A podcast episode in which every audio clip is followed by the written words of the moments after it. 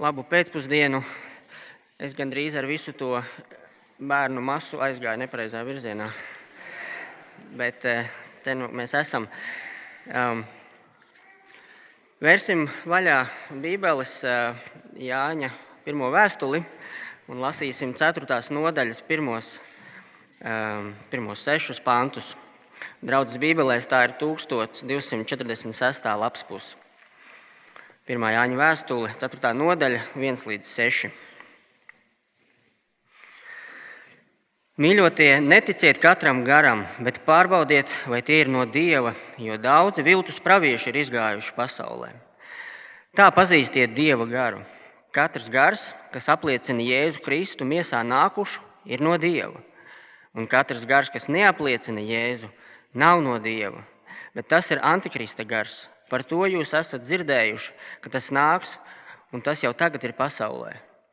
Bērniņi, jūs esat no Dieva un tos esat uzvarējuši, jo lielāks ir tas, kas jūsos, nekā tas, kas ir pasaulē.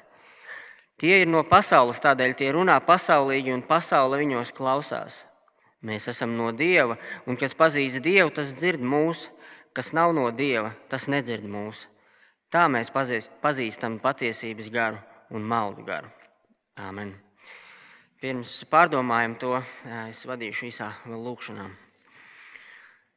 Debes Tēvs, Tavs vārds ir patiesība, un šajā pēcpusdienā, kad Tavu patiesību gribam pārdomāt, lūdzu, lai Tavs svētais gars ir katram no mums klāt, katram, kurš klausās, un palīdz man arī tavā, caur Tavu garu to uzticīgi arī skaidrot. Jēzus vārdā. Āmen. No kurienes ir šī lieta, piemēram, kur un no kā ir ražota šī vai tā prece, šis vai tas produkts. Visticamāk, mums izcelsme ir svarīga. Ja mēs runājam par produktiem, tad eh, es pieņemu, ka daudziem patīktu, ja tas ir no Latvijas, nu, ja vien kāds neapgalvot, ka, piemēram, Tesla ir latviešu ražojums vai tam līdzīgi. Ja tas ir no Ķīnas, mums varbūt rodas kaut kādas zināmas šaubas, eh, aizdomas par kvalitāti. Precēm no Ukrainas šobrīd ir pavisam cita pievienotā vērtība, kā vēl varbūt pirms gada. Un tāpat attieksme mainījusies ir pret eh, precēm no Krievijas. Eh, no kāda materiāla ir izgatavota šī vai tā prece? Ehm, Datora korpus no plastmasas ir pavisam cits, kas eh, korpus no alumīnija, vai ne tā? Pirms vairākiem gadiem mēs eh, pirkām eh, koku gultu lietotu vienam no mūsu bērniem. Un, un tas nebija izšķirošais kā, moments, no kāda koka šī gulta ir, bet tas pārdevējs tur skatās. Man liekas, ka tas ir tā, tā, tā ošu koka gulta. Un, nu, es neesmu tāds pārāk liels šķiedru pazinējis, bet aizdomīgi man likās. Uh, Atbraucām mājās, aizvedu, parādīju vienu detaļu tētim, kurš ir galdnieks. Viņš saka, ka nu tā ir priede, skaidrs, ka tā ir priede. Protams, liek piebilst, ka oša un priedes materiāla kvalitāte un cietība ir diametrāli pretējas. Materiālam ir nozīme, tā nosaka preces kvalitāti. Izcelsmes vietai ir nozīme. Tā var, no tās mēs varam pateikt, kas varbūt saņems naudu, ja mēs šo vai citu lietu iegādāsimies par dažādiem medijiem, mēs eh, varam saprast, kādēļ viņi aizstāv to vai šo viedokli, eh, tad, ja mēs zinām, kas ir šī mediju saimnieks. Mēs gribam to zināt, un mēs arī eh, apgalvojam, vismaz, ka mums ir tiesības to visu zināt. Un arī Jānis šajā nogrieznītī runā par, par izcelsmi un to, ka izcelsmē ir nozīme, tā ir svarīga un tā ir jāpārbauda. Ja iepriekšējās divās eh, svētdienās mēs domājam par cilvēku garīgo izcelsmi, ka katrs cilvēks ir no vienas no divām ģimenēm, eh, proti, dieva ģimenes vai vēlna ģimenes, tad šajā rakstu vietā Jānis runā, Jānis runā par gariem. Un šeit pat Jānim nav jautājums, vai, vai tu gribi noskaidrot, vai tev ir tādas tiesības noskaidrot. Jānis saka, ka tavs pienākums ir vērtēt, spriest un pārbaudīt. Ceturtās nodaļas pirmais pāns dod mums tādu kā uzstādījumu visai rakstu vietai. Ieskatieties, mīļotie, neticiet katram garam, bet pārbaudiet, vai tie ir no Dieva. Jo daudz viltus praviešu ir izgājuši pasaulē. Pēc brīža mēs redzēsim, kādi ir tie kriteriji, parametri, pēc kādiem uh, vērtēt uh, šo, šo garu. Pirmkārt, mēs redzēsim, ka tas ir atkarīgs no tā, ko viņi saka, un otrkārt, no tā, kas viņos klausās. Bet pirms tam pirms tam, pirms mēs ķeramies pie šiem kritērijiem, mums jāatrisina viens jautājums. Citādāk tas mums maisīsies pa kājām un varbūt būs grūti domāt līdz tālāk. Un, proti, tas jautājums ir, kas tad ir tie gari, kas ir jāpārbauda? Vai mums jāsāk nodarboties ar kaut kādu eksorcismu? Nu, cilvēki mēģina atrast un piemeklēt dažādus garus, kas varbūt mūsos varētu rosīties. Eh, mēs runājam par lēnprātības garu, mīlestības garu, sirsnības garu, taupības garu, ir tie sliktie, tur skaudības gars, slinkuma gars, lepnības vai augstprātības gars, varbūt krāpšanas gars kādam ir apsēdis. Vai par šādiem gariem Jānis runā? Nu, izskatās, izskatās, ka nē. Mēs redzēsim to arī tālāk, bet kaut vai pirmajā pantā mēs redzam šai teikuma otrajā daļā. Jānis nerunā vairs par gariem, bet viņš saka par cilvēkiem, par viltus praviešiem. Šo dažādo garu meklēšanu visbiežāk jau ir vienīgi vainas novelšana no sevis. Es to neizdarīju, tas bija tas un tas gars manī. Jānis uz to neaicina. Šī raksturvieta patiesībā nošķir tikai divus garus. Sastais pants mums saka, priekšā ir patiesības gars vai maldu gars. Tā tad runa ir par nu, teiksim, tā, draudzes runātājiem. Tā mēs viņus varētu nosaukt. Un ne obligāti tikai vadītāji, kas no priekšas runā. Mēs varētu īstenībā lietot to moderno vārdu influenceris. Ir dažādi veidi un dažādi mēģinājumi šo vārdu latviskot. Dažas no versijām bija ietekmeklis, ietekmelis, vai ieteiksmes. Tie bija tie smieklīgie varianti. Bet man šķiet ļoti atbilstoši eh, gan vārda eh, eh, nozīmei, gan arī šim kontekstam vārdi ieteicējs vai domvedis vai vienkārši satura veidotājs. Un, ja mēs pārnesam to uz draugu un draudzes kontekstu, tad šis ieteicējs vai domvedis ir ik viens, kura sacītajam ir kāds svars, kura sacītajā kāds ieklausās. Un tam nav obligāti jānāk no kanceles vai no Bībeles studijas vadītāja. Protams, šie cilvēki jau automātiski nonāk šajā kategorijā. Tāpēc jā, nu, šo pirmo pāntu 21. gadsimtā varbūt arī varētu rakstīt. Mīļotie, neticiet katram influencerim, bet pārbaudiet. Es pieņemu, es pieņemu, ka kādi varētu varbūt vēl iebilst un teikt, ka šis, šie gari ir domāti vēsts nevis cilvēks vai vēstnesis. Un es domāju, ka šeit šie ir gandrīz kā sinonīmi lietot, jo vēstnesis nav vēstnesis, ja viņš nenes vēsti, un katrai vēstī ir jātiek atnestai caur vēstnesi. Tādēļ nu, tie ir nesaraujami saistīti. Nu tā.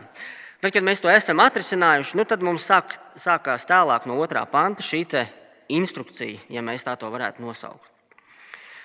Tā pazīstiet dieva garu. Nu, kā tad mums tas būtu jāpazīst? Katrs gars, kas apliecina Jēzu Kristu miesā nākušu, ir no Dieva. Un katrs gars, kas neapliecina Jēzu, nav no Dieva. Bet tas ir antikristi gars, par ko jūs esat dzirdējuši, ka tas nāks, un tas jau tagad ir pasaulē. Nu, mēģināsim atšķirt, kas tad ir kas. Pirmkārt, Jānis saka, pārbaudi, ko šis domvedis saka. Bet vēl precīzāk, ko šis domvedis e, saka par Jēzu. Katrs gars, kas apliecina Jēzu.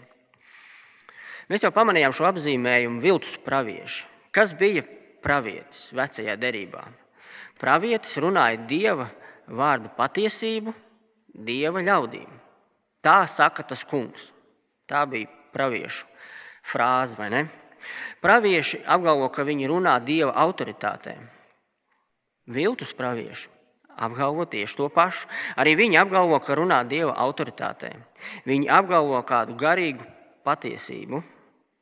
Arī viņi saka, tā saka tas kungs. Bet viņi saka nepatiesību un maldina ar to cilvēkus.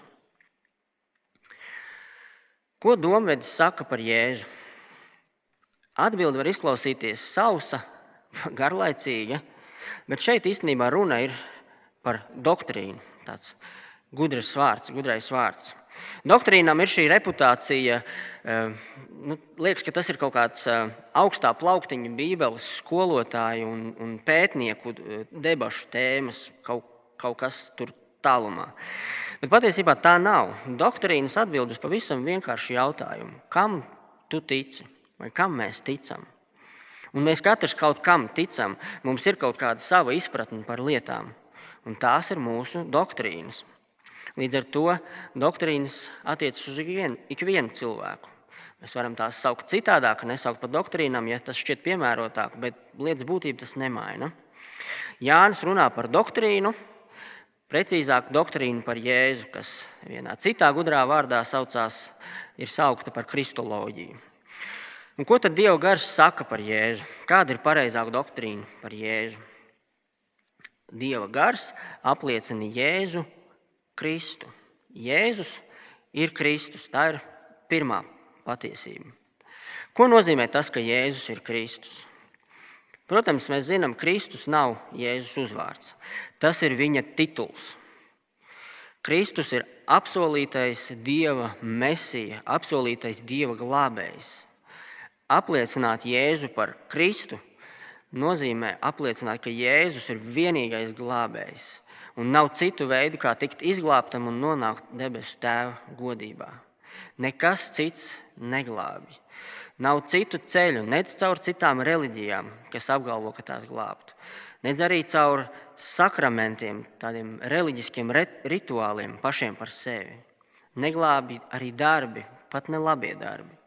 Nekas cits neglābj kā tikai Jēzus, tāpēc ka Jēzus ir Kristus.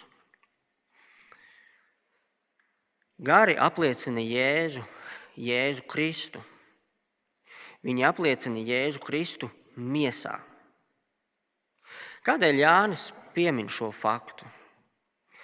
Ļoti iespējams, ka tā bija aktuāla problēma draudzēji tajā laikā. Izskatās, ka šie viltus pravieši šo apšaubīja. Iespējams, tas bija šis gnostiskais pasaules uzskats, kas tajā laikā sāka veidoties un arī eh, mēģināja ieperināties draudzēs. Gnostiķi sacīja, ka viss uh, miesīgais ir nekam nederīgs, tas ir grēcīgs un atmetams, un tikai garīgajam ir vērtība.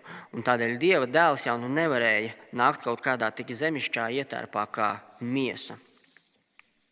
Bet, nu, labi, nu, lai viņi tā domā, kādēļ Jānis bija tik svarīgi to tomēr nošķirt, to pateikt, Jēzus ir nācis miesā. Varēja nepieminēt.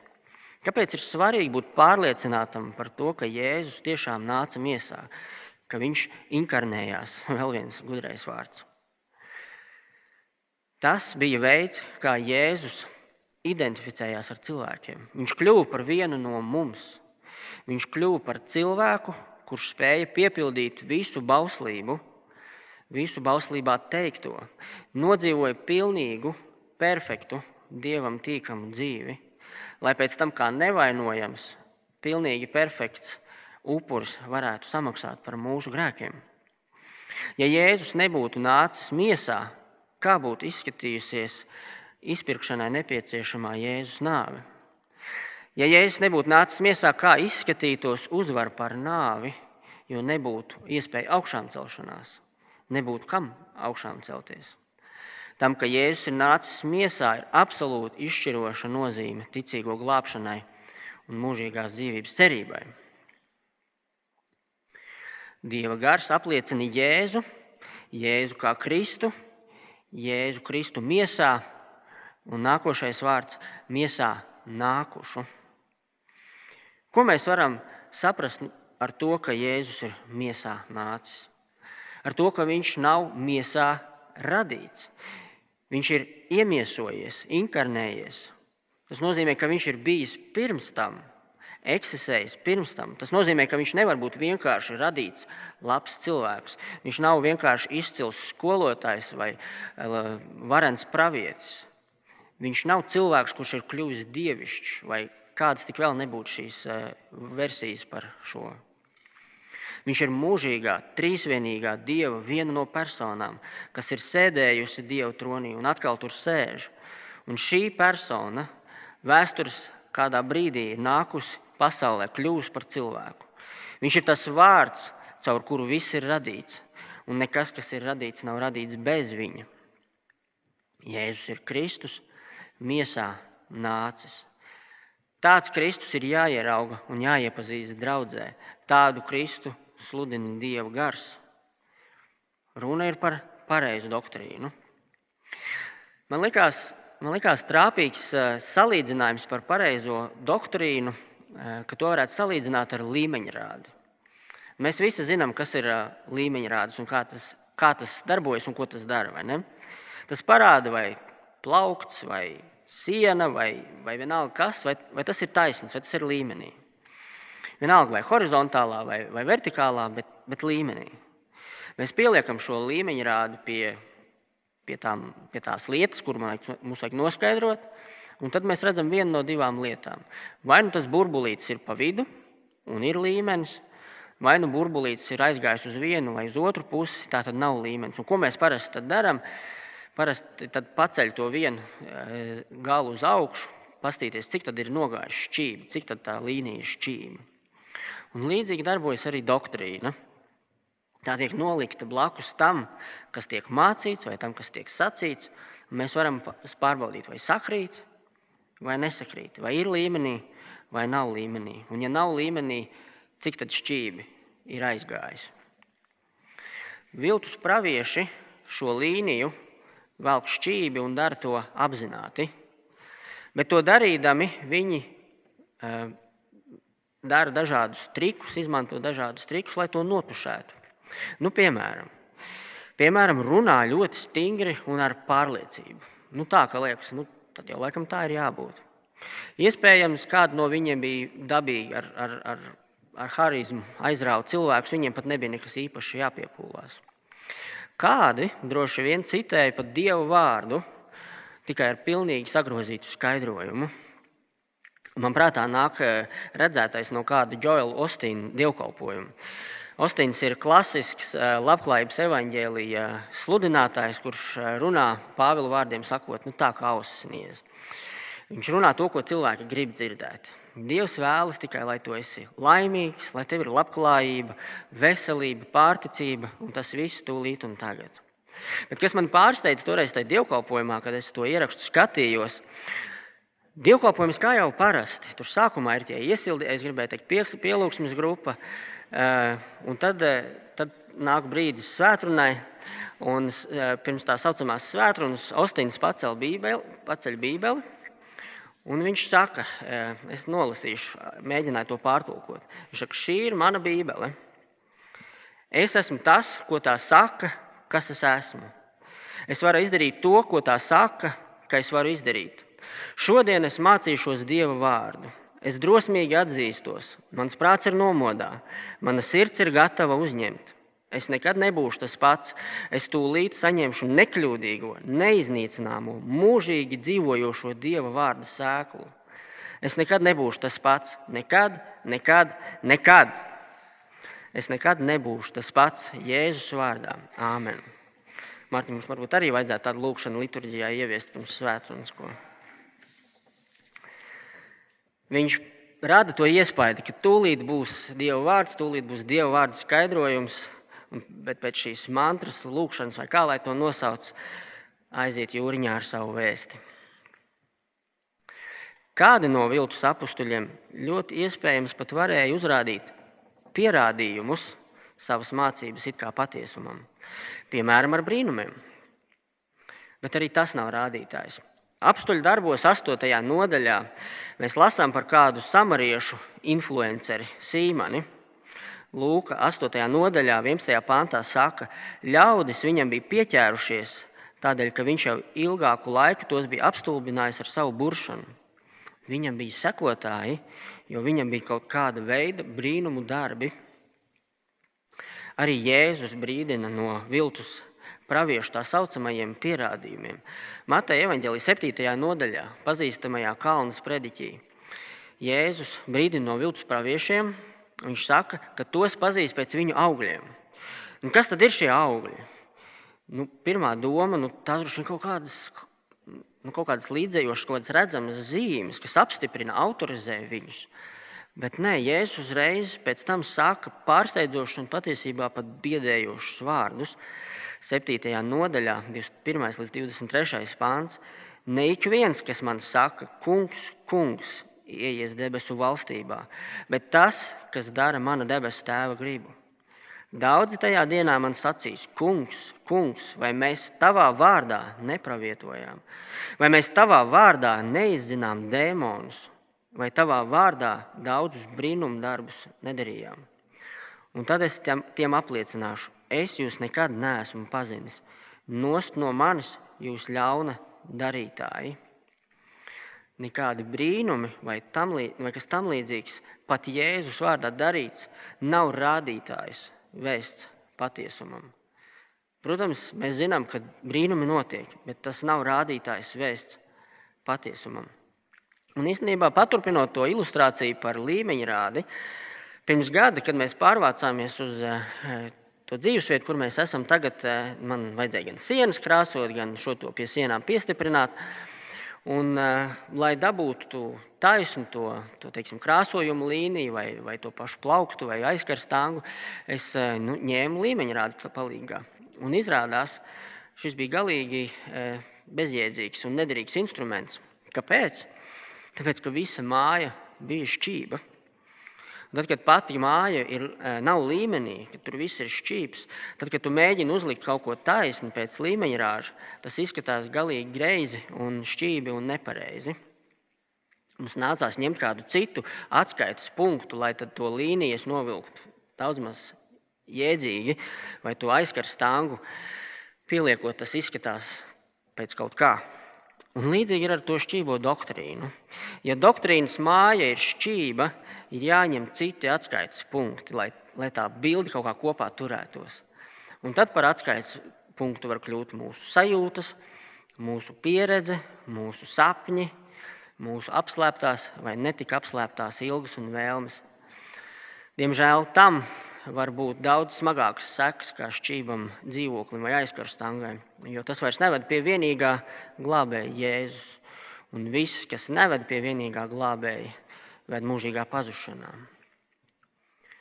Tā pazīstiet Dieva garu.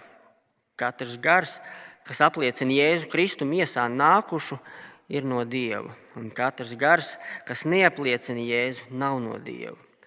Bet tas ir antikrista gars, par ko jūs esat dzirdējuši, ka tas nāks un tas jau tagad ir pasaulē. Tātad pirmkārt, mums ir jāskatās, jāatpazīst šie gari pēc tā, ko tie saka. Otra lieta, pēc kā pazīt, ir, kas tajos klausās. Nolasīsim 4. līdz 6. pantam. Bērniņi, jūs esat no dieva un tos esat uzvarējuši, jo lielāks ir tas, kas jūsos, nekā tas, kas ir pasaulē. Tie ir no pasaules, tādēļ tie runā pasaulīgi, un pasaule viņos klausās. Mēs esam no dieva, un kas pazīst dievu, tas dzird mūsu. Kas nav no dieva, tas nedzird mūsu. Tā mēs pazīstam patiesības garu un maldu garu. Šeit mēs redzam, ka Jānis vairs tik ļoti nerunā par saturu, bet tas, uz ko mainās Jāņa fokus, ir vēsts saņēmēji, vēsts dzirdētāji. Pievērsiet uzmanību šim klausīšanās un dzirdēšanas motīvam. Kas ko klausās? Tie ir no pasaules, tādēļ viņi runā pasaulīgi, un pasaule viņos klausās.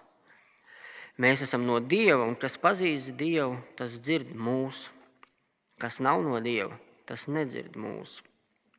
Pasaule klausās pasaulīgos vēstnešos un nedzird apstuļus. Tie, kas ir no Dieva, tie dzird Jāni, un viņa kolēģus tie dzird apstuļus. Bet šis eh, noslēdzošais teikums, šis sastais pāns, liek domāt, ka arī šī ir daļa no pārbaudas. Tā mēs pazīstam patiesības garu un maldu garu. Nu, izskatās, ka tas ir tā, ka mēs paveram influenceru Facebook vai Instagram lapu, paskatāmies, kas ir sekotāji, un mēs saprotam, par ko viņš vai viņa runās. Nu, kā tad mēs to varam novērtēt pēc klausītāja? Kā viens tā otrs ir ar galvu, divām ausīm, pārējo ķermeni, kur mēs varam ieraudzīt to atšķirību? Bet izskatās, ka varbūt arī varam. tad mums ir atkal jāatgriežas iepriekšējā sadaļā, ko mēs iepriekšējās divas svētdienas pārdomājām par divām ģimenēm. Un tur bija divi tādi mazie pantiņi, kuriem pat viegli varēja paskriet garām. Ja jums sanāk pašķiriet uz, uz iepriekš trešās nodaļas, pirmā panta, otrā puse un 13. pants. Pasaule mūs neatzīst, tādēļ, ka tā nav atzinusi viņu. Un 13. pāns - nebrīnieties, brāļi, ka pasaule jūs ienīst. Lūk, pasaule nīst dieva ļaudis. Viņi neatpazī, ne, neatzīst un neatpazīst apstuļu mācību, bet klausās savos praviešos. Dieva ļaudis mīl viens otru un dzird apstuļu mācību. Un tas atgādina man šķiet mums Jāņa evaņģēlīja desmito nodaļu, kur Jēzus runā par sevi kā par labo ganu. Es lasīšu no Jāņa evaņģēlīja desmitās nodaļas pirmos piecus pāntus, un tad vēl 14 un 16 ieklausieties. Patiesi, patiesi es jums saku, kas avju kūtī neiet pa durvīm, bet kā piekšā pa citurienu, tas ir zaglis un laupītājs. Bet kas ienāk pa durvīm, tas ir avju gans. Tam durvju sargs atver, un avis dzird viņa balsi, un viņš sauc savus avis vārdā un tās izved. Kad viņš visas savas avis izlaidis ārā, viņš iet tām pa priekšu, un avis viņam seko, jo tās pazīst viņa balsi. Svešiniekam tās nesakos, bet beidz no viņa, jo svešinieka balsi tās nepazīst. Un 14. pāns. Es esmu labais gans, es pazīstu savas avis, un avis pazīst mani. 16. pāns. Man ir vēl citas avis, kuras nav no šīs kūts, arī tās man jāatved, un tās dzirdēs manu balsi, un būs viens ganāmpulks un viens gans. Iepriekš Jāņa vēstulē mums bija šis tests - atpazīt dieva bērnus un vēlna bērnus. Atpazīstot, identificējot dieva bērnus un vēlna bērnus, mēs atpazīstam šo vēstnešu auditoriju. Kurš ko klausās? Vai viņi klausās viltus praviešos, vai viņi klausās apstuļu mācībā? Bet vai, vai tas tagad nozīmē, ka mums jāsāk būt raganu medības? Nu, tagad pēc dievkalpojuma visi aizdomu pilni skatās viens uz otru, nesarunājas drošības pēc, vai mēģina saprast, kurš ir kurā pusē. Vai tas ir jautājums, kas mums ir jā, jājautā? Protams, noteikti nē, mums nav jānodarbojas ar raganu medībām. Jautājums, ar kuru nodarbojas Jānis, ir jautājums, kurā pusē ir šīs vēstules saņēmēji un kā viņiem tagad pastāvēt starp šiem viltvāržiem. Ieskatieties vēlreiz 4. pantā.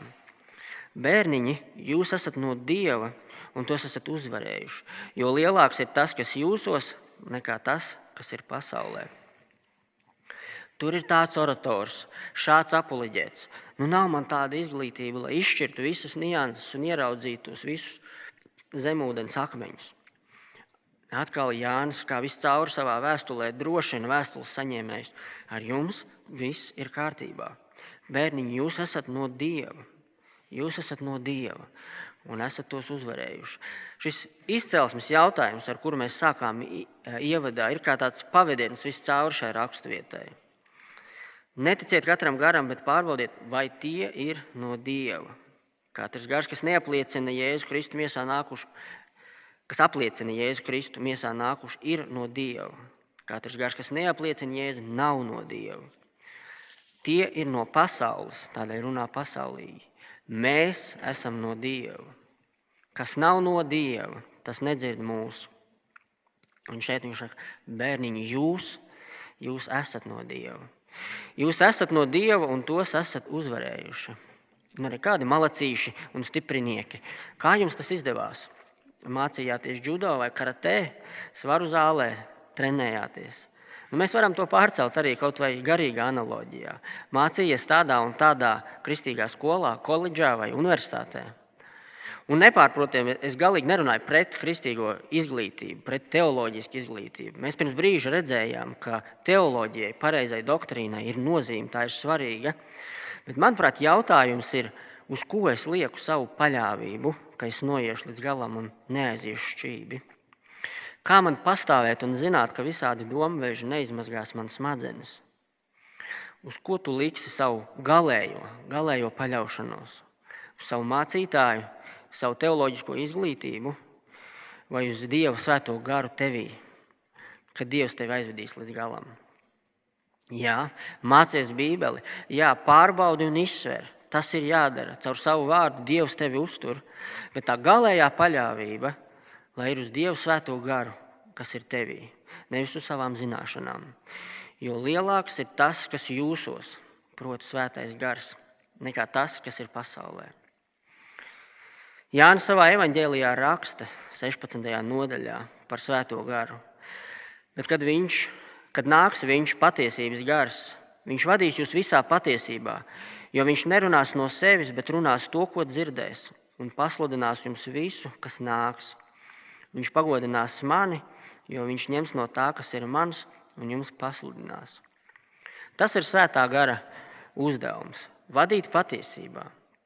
Tu nevari ar vienu kāju tikt vadīts patiesībā un ar otru maldos. Svētais gars vada patiesībā. Runāt to, ko sacīs Jēzus. Svētais gars runā to, ko ir sacījis Jēzus. Viņš nekad nerunās maldus. Un svētā gara uzdevums ir pagodināt Jēzu. Patiesības gara rezultāts vienmēr būs Dieva pielūgsme, Dieva pagodināšana, nevis elku. Dari centīgi savu daļu, pārbaudi, ko dzirdi, un reizē paļaujies uz Dievu, ka galu galā Viņš ir tas, kurš tevi aizvedīs līdz galam, līdz uzvarai. Āmen. Pielūgsim. Debes Tēvs, pateicamies par Tavu vārdu, kas šajā pēcpusdienā ir izskanējis. Pateicamies, ka Tu patiešām esi uzvarējis visus melus, visus maldus, un lūdzu sārgi un uzturi mūsu sirdis, lai tavu vārdu studējot, to mācoties, mēs spējam izšķirt un reizē paļauties uz tevi, ka tu mūs ved, um, tu mūs ved uz šo uzvaru, uz uh, mūžīgo dzīvību godībā ar tevi. Tas, lai stiprina mūsu sirdis un lai stiprina mūsu garu Jēzus vārdā. Āmen!